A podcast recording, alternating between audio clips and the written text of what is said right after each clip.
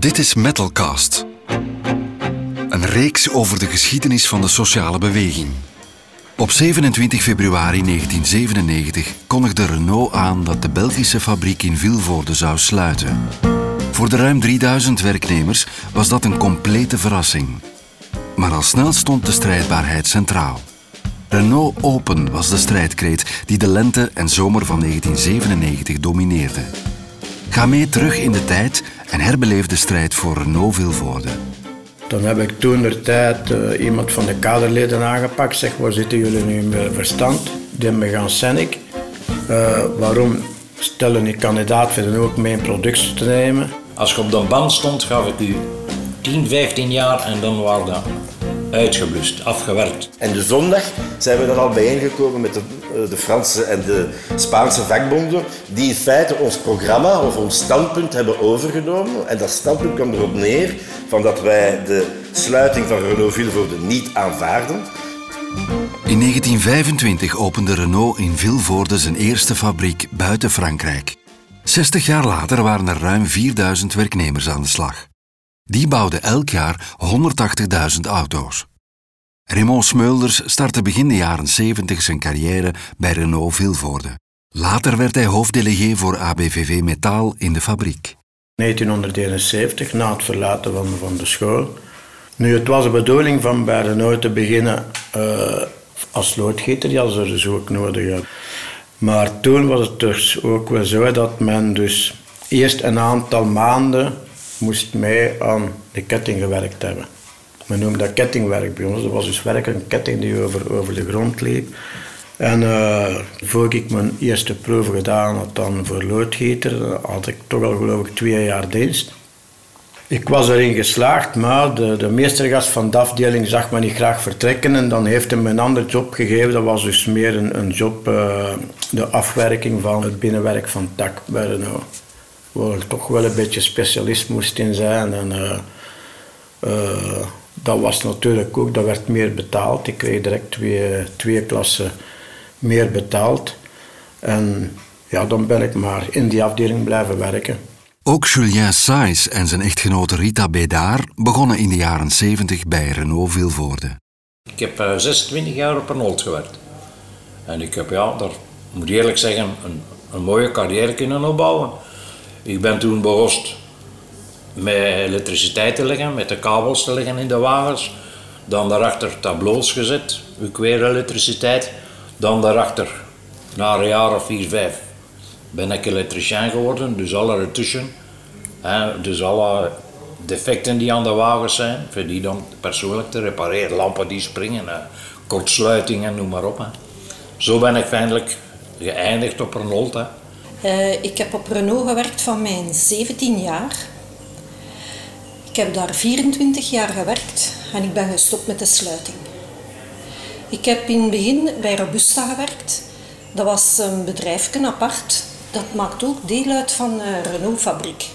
Maar dat waren enkel vrouwen die daar werkten.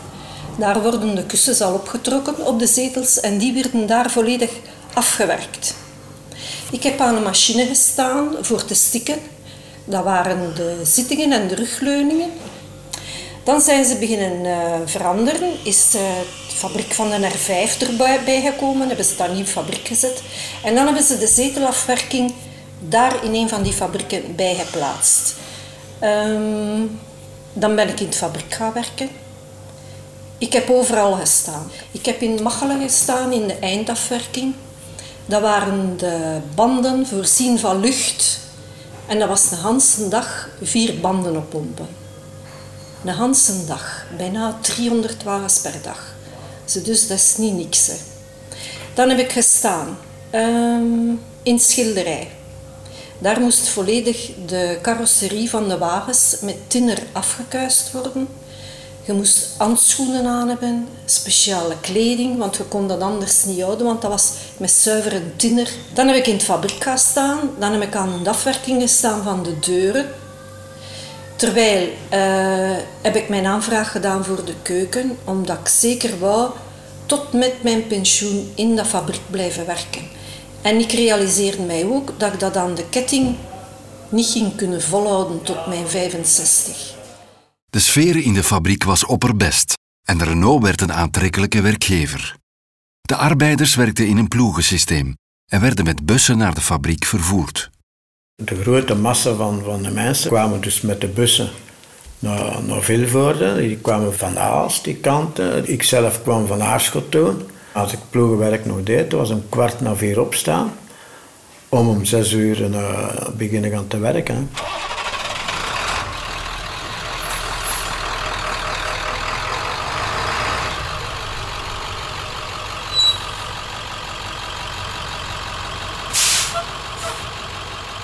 Dus ja, zeker en vast. En dus alle morgen werden we opgehaald op een vast uur, op een vaste plaats. He, zo waren er bussen ingesteld voor de arbeiders komen op te halen. De Renault dat ongeveer toen, als ik mij goed herinner, want het is lang geleden, een goede 52 lopende bussen alle dagen. Dus voor mensen van met de morgen op te laden of voor mensen met de laten op te laden. Ja, kun je gaan denken, hè, een vijftigtal bussen als dat daar staat. Ja, op twee, twee, drie minuten tijd kun je gemakkelijk een pintje drinken. Hè. Dus dat waren recht over drie cafés. Ik ga je wel zeggen, als het tien uur was, dan stonden er al 30, 40 pinten gereed getapt. Hè. Ik weet een baas, de middenste, maar ik weet, ik weet de naam niet meer van de zaak. Maar die, die heeft me een gezegd, voordat jullie hier binnenkomen, staat er al een vat gereed getapt. Dat was zo, hè. Dat zijn 180 pinten, hè. Maar, dus twee pinten uitdrinken op 10 minuten tijd, ja. En zeker als het dan mooi weer is. Mensen zijn moe gewerkt. Dat smaakt, hè. Ja, dat is zeker. Drie cafés verdienen hun brood gewoon op een nood.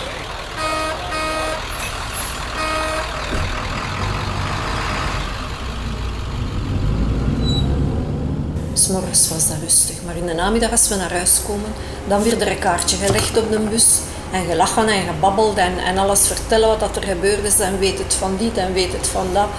Ja, dat was, ja, dat was dat is tof. En je zit op je gemak, je moet niet op de baan letten als je moe bent. Je wordt vervoerd. Wij zaten daarop met, hmm, ik denk, uh, 48 man zaten we op die bus. En ik heb momenten geweest dat ik er alleen op zat als vrouw. En dat waren allemaal mannen. Maar ik had daar geen problemen mee. Die hadden toch hun bezigheid samen en ik werd niet gestoord. Ik zat op mijn gemak. ja, dat was tof. We moeten eerlijk zijn, Arnold was zeker en vast een goede sfeer. Gemaakte vrienden, gelijk als niks gedaan op Arnold. Ja, die, die samenwerking, dat hoorde zo aan. Dus ja, je verdiende goed je brood.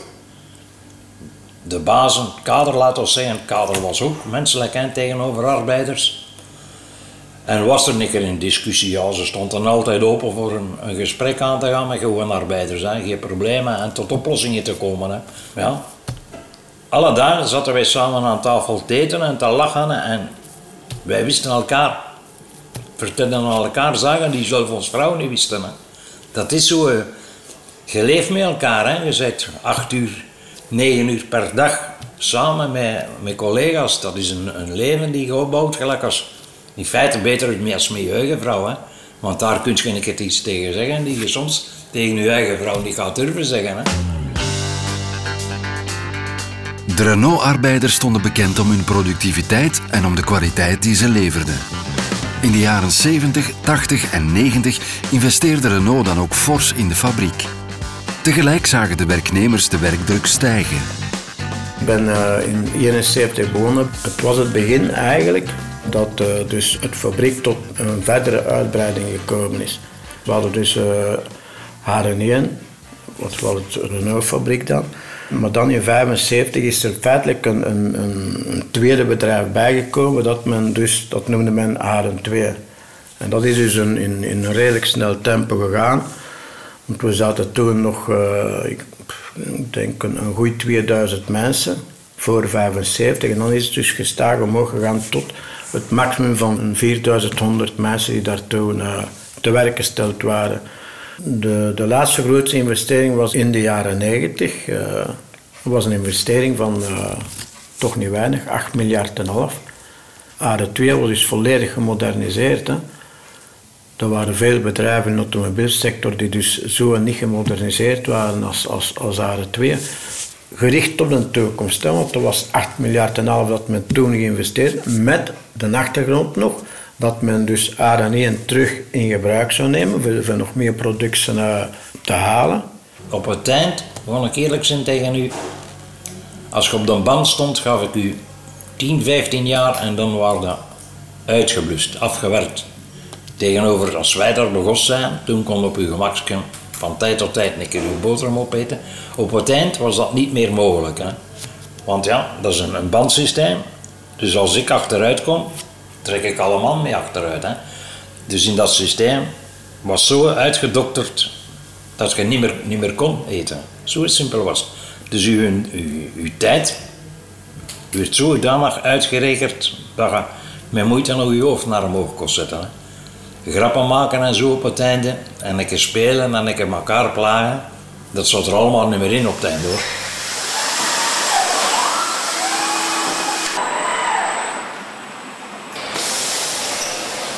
Men heeft dan op een bepaald moment uh, de berekening van een job te doen, de tijdslimiet, dat, dat gebeurde vroeger door mensen zelf aangeworven door een oor.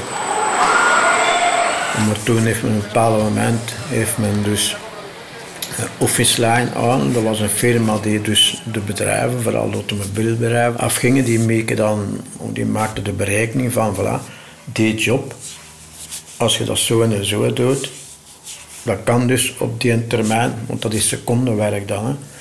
Uh, met gevolg, de mensen moesten altijd harder en harder werken. Ze hadden dus geen tijd om een voorbeeld te geven, als ik begonnen ben uh, bij Renault aan, aan, aan de werken dat ik gedaan heb, en je werkte iets rapper, dan kon men rap een boterham eten, even, rusten of even een koffie drinken. Dat was dan gedaan. Men, had daar dus geen tijd meer voor. Moet je goed voorstellen, uh, de schaftijd was toen bij ons 20 minuten. Maar dat was dus van op je werkplaats, kon van tijd had je misschien al vijf minuten nodig, minstens vijf minuten, om van je werkplaats naar de refter te gaan. En vijf minuten voor terug te gaan. dus in principe had je dus maar tien minuten om, om, om dus iets te eten. En dan, die ogenblik voelt je wel, de, mensen worden, uh, en terecht, zijn dan wel dikwijls korter van stof en wat weet ik veel. Uh, zeker onze oudere mensen hadden het moeilijk mee. Ik was alleen als meisje op gans die een band van 30 man. En dan s'avonds, uh, om tien uur hadden we gedaan. Wij begonnen al van na het schof. Wij hadden om acht uur mochten we gaan eten. Dus twintig nacht begonnen we weer. En dan begonnen we, wij noemen dat ons optrekken. En dat wil zeggen, uw, uw wagen vlugger afwerken als de plaats waar dat je bezig staat. En zo schoofde elke keer een stukje op. En dan, waar dat die een andere persoon aan het werken is, dan stond ik daar te werken. En hij werkte zo verder. En dat waren ongeveer vier wagens. En daar moesten wij twee uur hard voor werken voor die vier wagens in te halen. En dan konden we op ons gemak ons kleren veranderen, ons handen wassen, ons proper maken voor naar huis te gaan. En dan spreek ik nog niet van mijn boterham bijten. Hè. Want dat zat er niet in. Ik ben op die twee jaar ben ik van uh, eh, 58 naar 48 kilo gegaan. En ik weer waar, ik zeg, ik hou dat hier niet vol tot mijn 65. En dan ben ik gaan zoeken voor in de keuken te staan. En zo heb ik dat zo lang kunnen uithouden. En dat dat nu nog open geweest, had ik er nog gewerkt. Want ik was nooit van zin van er weg te gaan. De Renault-arbeiders werkten hard en keken met vertrouwen naar de toekomst. Toch kreeg Raymond Smulders verontrustende signalen. Bij mij kwam de eerste ongerustheid dat we dus niet de wagens nog kregen toegewezen in, vanuit Frankrijk, wat dat bij ons uh, heel belangrijk zou geweest zijn, dan spreek van de Megane Scenic toe. Maar dat men toen een beslissing genomen had van de Megane Scenic neem productie te nemen. Wat mij dus verwonderde, de persoon die me toen verwittigd heeft, heb ik me nog kwaad gemaakt. Ik zei, maar waarom kom dan hier vertellen? Nou, want dat is, dat is de wagen die wij dus nodig hebben. Dan heb ik toen de tijd uh, iemand van de kaderleden aangepakt. Zeg, waar zitten jullie nu meer verstand? Die hebben gaan. Uh, waarom stellen die kandidaat vinden ook mijn productie te nemen.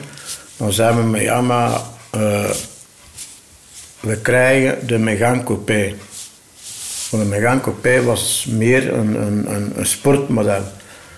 Wat ik zei, ja, met de Gaan Coupé daar kunnen wij niks mee doen. Dat is een, een meer een, een, een, wagen, sportieve wagen. Voor de jeugd dat gaat nooit geen, geen massaproduct worden. Maar de beslissing was genomen.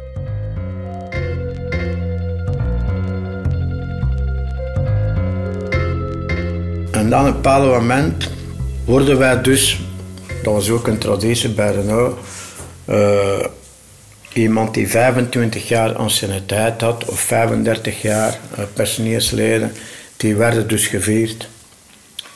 Kregen een cadeau van Renault, kregen, dat was een, een feest dan, een feestmaaltijd. Maar daar werd ook altijd uh, een minister op uitgenodigd. Toen der tijd was dat uh, Jean-Luc Dehane. En toen ben ik me wel echt gaan ongerust beginnen gaan te maken door het feit, als het Rekse binnenkwam, met dan de genodigden, waaronder Jean-Luc Dehane, wat ik dus nog nooit had gezien, die kwamen dus allemaal apart binnen. Plus, hetgeen ik vaststelde was dat dus uh, onze directeur had dan zijn spits gegeven, waar, waarna normaal gezien Jean-Luc Dehane ook het woord zou moeten genomen hebben. En dat was niet gebeurd. En toen heb ik me echt ongerust gemaakt. Zeg, hier klopt iets niet, want uh, normaal gezien neemt hij dus het woord uh, naar, het personeel toe. Heeft ook trouwens geen deel genomen aan, aan de feestmaaltijd ook niet. En dan heb ik nog eens keer contact opgenomen met uh, kaderlid om te zeggen van wat is hier aan het gebeuren, want dat is niet normaal dat Jean-Luc de Haan hier niet aan het woord geweest is. Ja, maar, maar we moeten niet ongerust maken. Dat, ik zeg, ja, maar hier klopt iets niet. En dan begint me wel gaan te denken van, oh, ik klopt iets niet, maar men houdt dus in de verste verte geen rekening met, met een, een sluiting.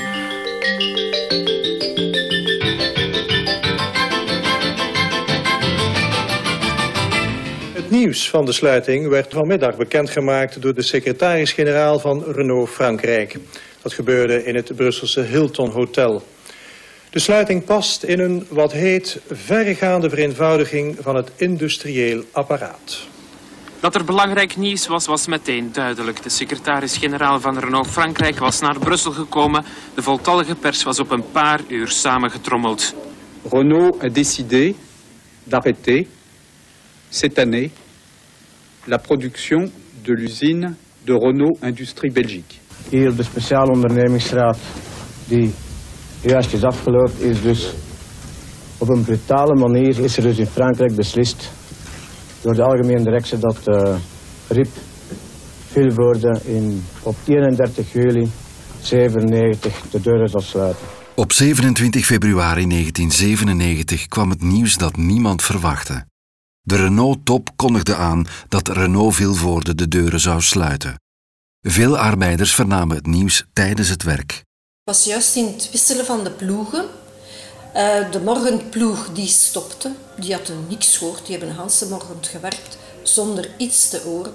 En dan om uh, rond drie uur, half vier, dan werd er op de radio gezegd dat Renault zijn deuren ging sluiten. En dat was ene chaos. Iedereen werd daar zo moeilijk dat fabriek, die een band viel stil. Iedereen stopte, er moest uitleg gegeven worden. Dan waren er nog geen gsm's, dat waren allemaal vaste lijnen. Als je probeerde te bellen, alles was bezet, alles zat vol, gelijk dat er een paniek ontstond. En uh, dan zijn we die een dag, zijn we nog te voet naar Vilvoorde geweest voor de burgemeester te bereiken. Roland Roté werkte op de personeelsdienst van de Renault-fabriek en kreeg de opdracht om de mensen op te vangen na de aankondiging van de sluiting. Als Human Resources dienst waren wij een uur daarvoor bijeengeroepen door onze toenmalige verantwoordelijke. En die heeft uh, toen gezegd dat het fabriek ging dichtgaan. Hij heeft beroep gedaan op ons uh, ja, beroepsvierheid, laat het maar zo zeggen. Om als er mensen echt in de put zouden zitten of begeleiding nodig zouden hebben, van paraat te staan. We hebben toen met ganse dienst ons woord gegeven en uiteraard ook zwijgplicht gehad tegen dat de ondernemingsraad plaatsvond. Ik hoef je niet te vertellen, grote verslagenheid binnen mensen, ongeloof. Mensen die naar huis reden hebben het gehoord via de radio op de bus. Die hadden in de voormiddagploeg nog gewerkt.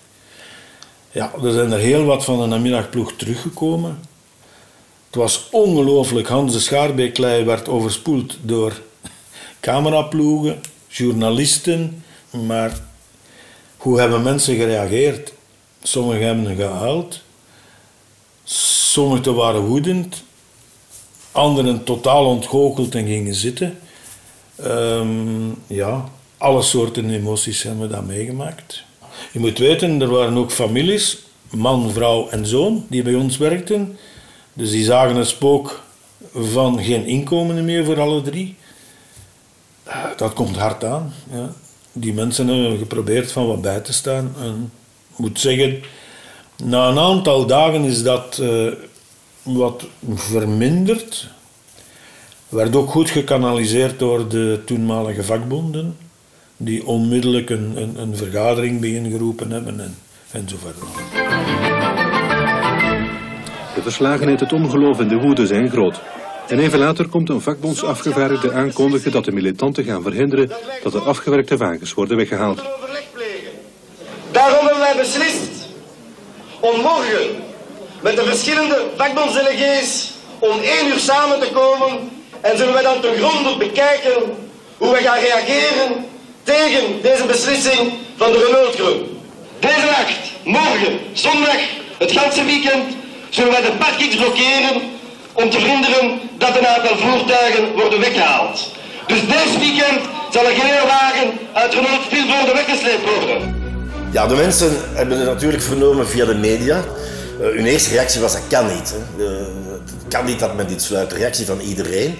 Maar vrij snel heeft zich dat omgezet in, uh, ja, in actiebereidheid, in, in woede. En ja, er zijn een aantal mensen beginnen wenen. Daar zijn beelden van, hè, nogal pijnlijk.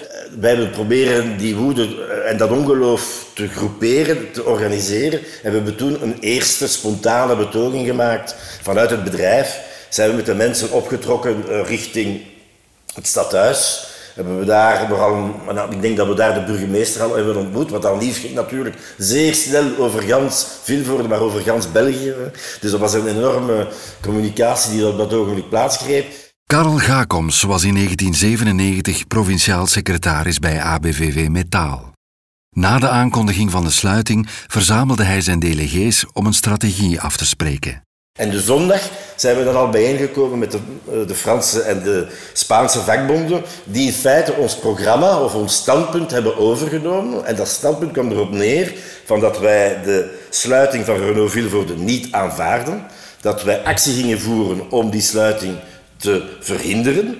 Dus wij eisen in feitelijk van de Renault-directie dat zij de beslissing tot sluiting zouden herzien. En tenslotte vroegen wij aan de Vlaamse en aan de federale regering om tussen te komen bij Renault om ons in dat standpunt te steunen. Maar het is ook de basis geweest in mijn ogen die het mogelijk maakte dat er achteraf een grote solidariteit is gekomen van de publieke opinie. Hadden wij het standpunt ingenomen van wij willen een goed sociaal plan, wij willen het beste sociaal plan ooit, dat dat veel minder aanleiding gegeven tot mobilisatie en tot solidariteit. Het is pas als je een radicaal programma hebt, dat je zegt van we gaan er echt tegenaan, we willen echt die beslissing erzien, dat je ook de mensen kunt mobiliseren om iets te gaan realiseren.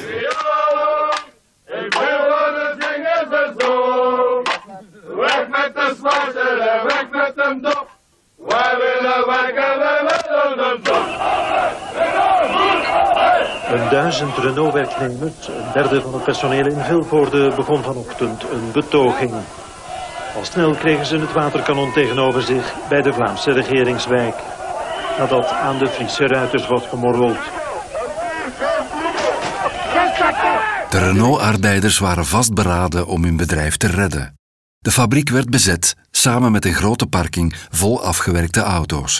De strijd om Renault Vilvoorde te redden zou vijf maanden aanslepen. Laat ons zeggen dat we, dat we praktisch met onze mensen gans Europa bijna gedaan hebben. We zijn in Spanje geweest, we zijn in Frankrijk geweest. Uh, vooral natuurlijk de bezetting van die vijf maanden, want uh, Men mag, men mag doen en zeggen wat men wil. Iedereen heeft iedereen nodig dan. Hè.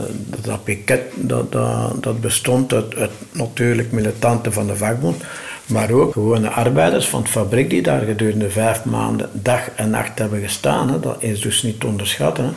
Plus wel niet, alleen uh, battement 16 in, in maar wel dus ook nog in Wavray, een grote parking, die dus bezet geweest is door onze mensen, ook dag en nacht, in bittere kou van tijd. Uh, uit die ogenblik verschiet men wel tot wat mensen in staat zijn. Uh, maar we hebben er ook wel altijd voor gezorgd dat onze mensen dus van bij het begin wisten welke stappen dat er genomen werden. Dat heeft toch wel een hele belangrijke rol gespeeld om het vertrouwen van, van, uh, van de mensen te hebben uh, en te krijgen. Dat was een van, van de belangrijkste zaken bij ons, dat we zeker en vast moesten zorgen dat er geen discussies kwamen onder, onder het piket of, of, of de militanten. En, want als dat moet gebeuren, ja, dan, kan men, dan mag men doen. Uh, als syndicaal delegatie, wat men wil, dan, kan men dat dus geen vijf maanden volhouden. Dat bestaat niet. Daar ben ik van overtuigd. Die acties zijn ontelbaar. Uh, wij gingen regelmatig met 300, 400 man betogen bij onderaannemers, bij andere automobielbedrijven, bij een bureau dat zich negatief had uitgelaten over de productiviteit van de Renault-arbeiders. Maar de twee grootste acties die we gedaan hebben, dat is natuurlijk de grote betoging in Parijs, waar dat we met 100 bussen, met 4000 mensen zijn gaan betogen in Parijs. U moet weten dat ongeveer de helft van die mensen daar, die meegingen in die betoging, voor de eerste keer in hun leven in Parijs kwamen. Hè. Dus zij gingen betogen voor hun fabriek te redden. Hè. Maar het was een enorm beeld als je daar 100 autobussen zag toekomen voor dag en dauw, want het was toen inderdaad zeer mistig en we zijn hier vertrokken rond 4, 5 uur s morgens om, om op tijd in Parijs te zijn om te betogen, om dezelfde avond nog terug te komen. Dat was een enorme actie. Allee, dat we dat hebben kunnen realiseren is gewoon fantastisch. Dat bijna het voltallige personeel is meegegaan. En de tweede grote actie was natuurlijk de betoging, die ook belangrijk geweest is achteraf in de evolutie van het dossier Renault, is de grote betoging op een zondag uh, in Brussel met 100.000 man. Het is lang geleden dat nog vakbondsbetogingen in het weekend zoveel mensen op straat hebben gekregen. Dus een betoging van 100.000 man. Maar wat was daar ook belangrijk aan? Het feit dat daar heel wat Fransen aanwezig waren. Franse politiekers eh, en Franse vakbonden die ons kwamen ondersteunen, die solidair waren met ons.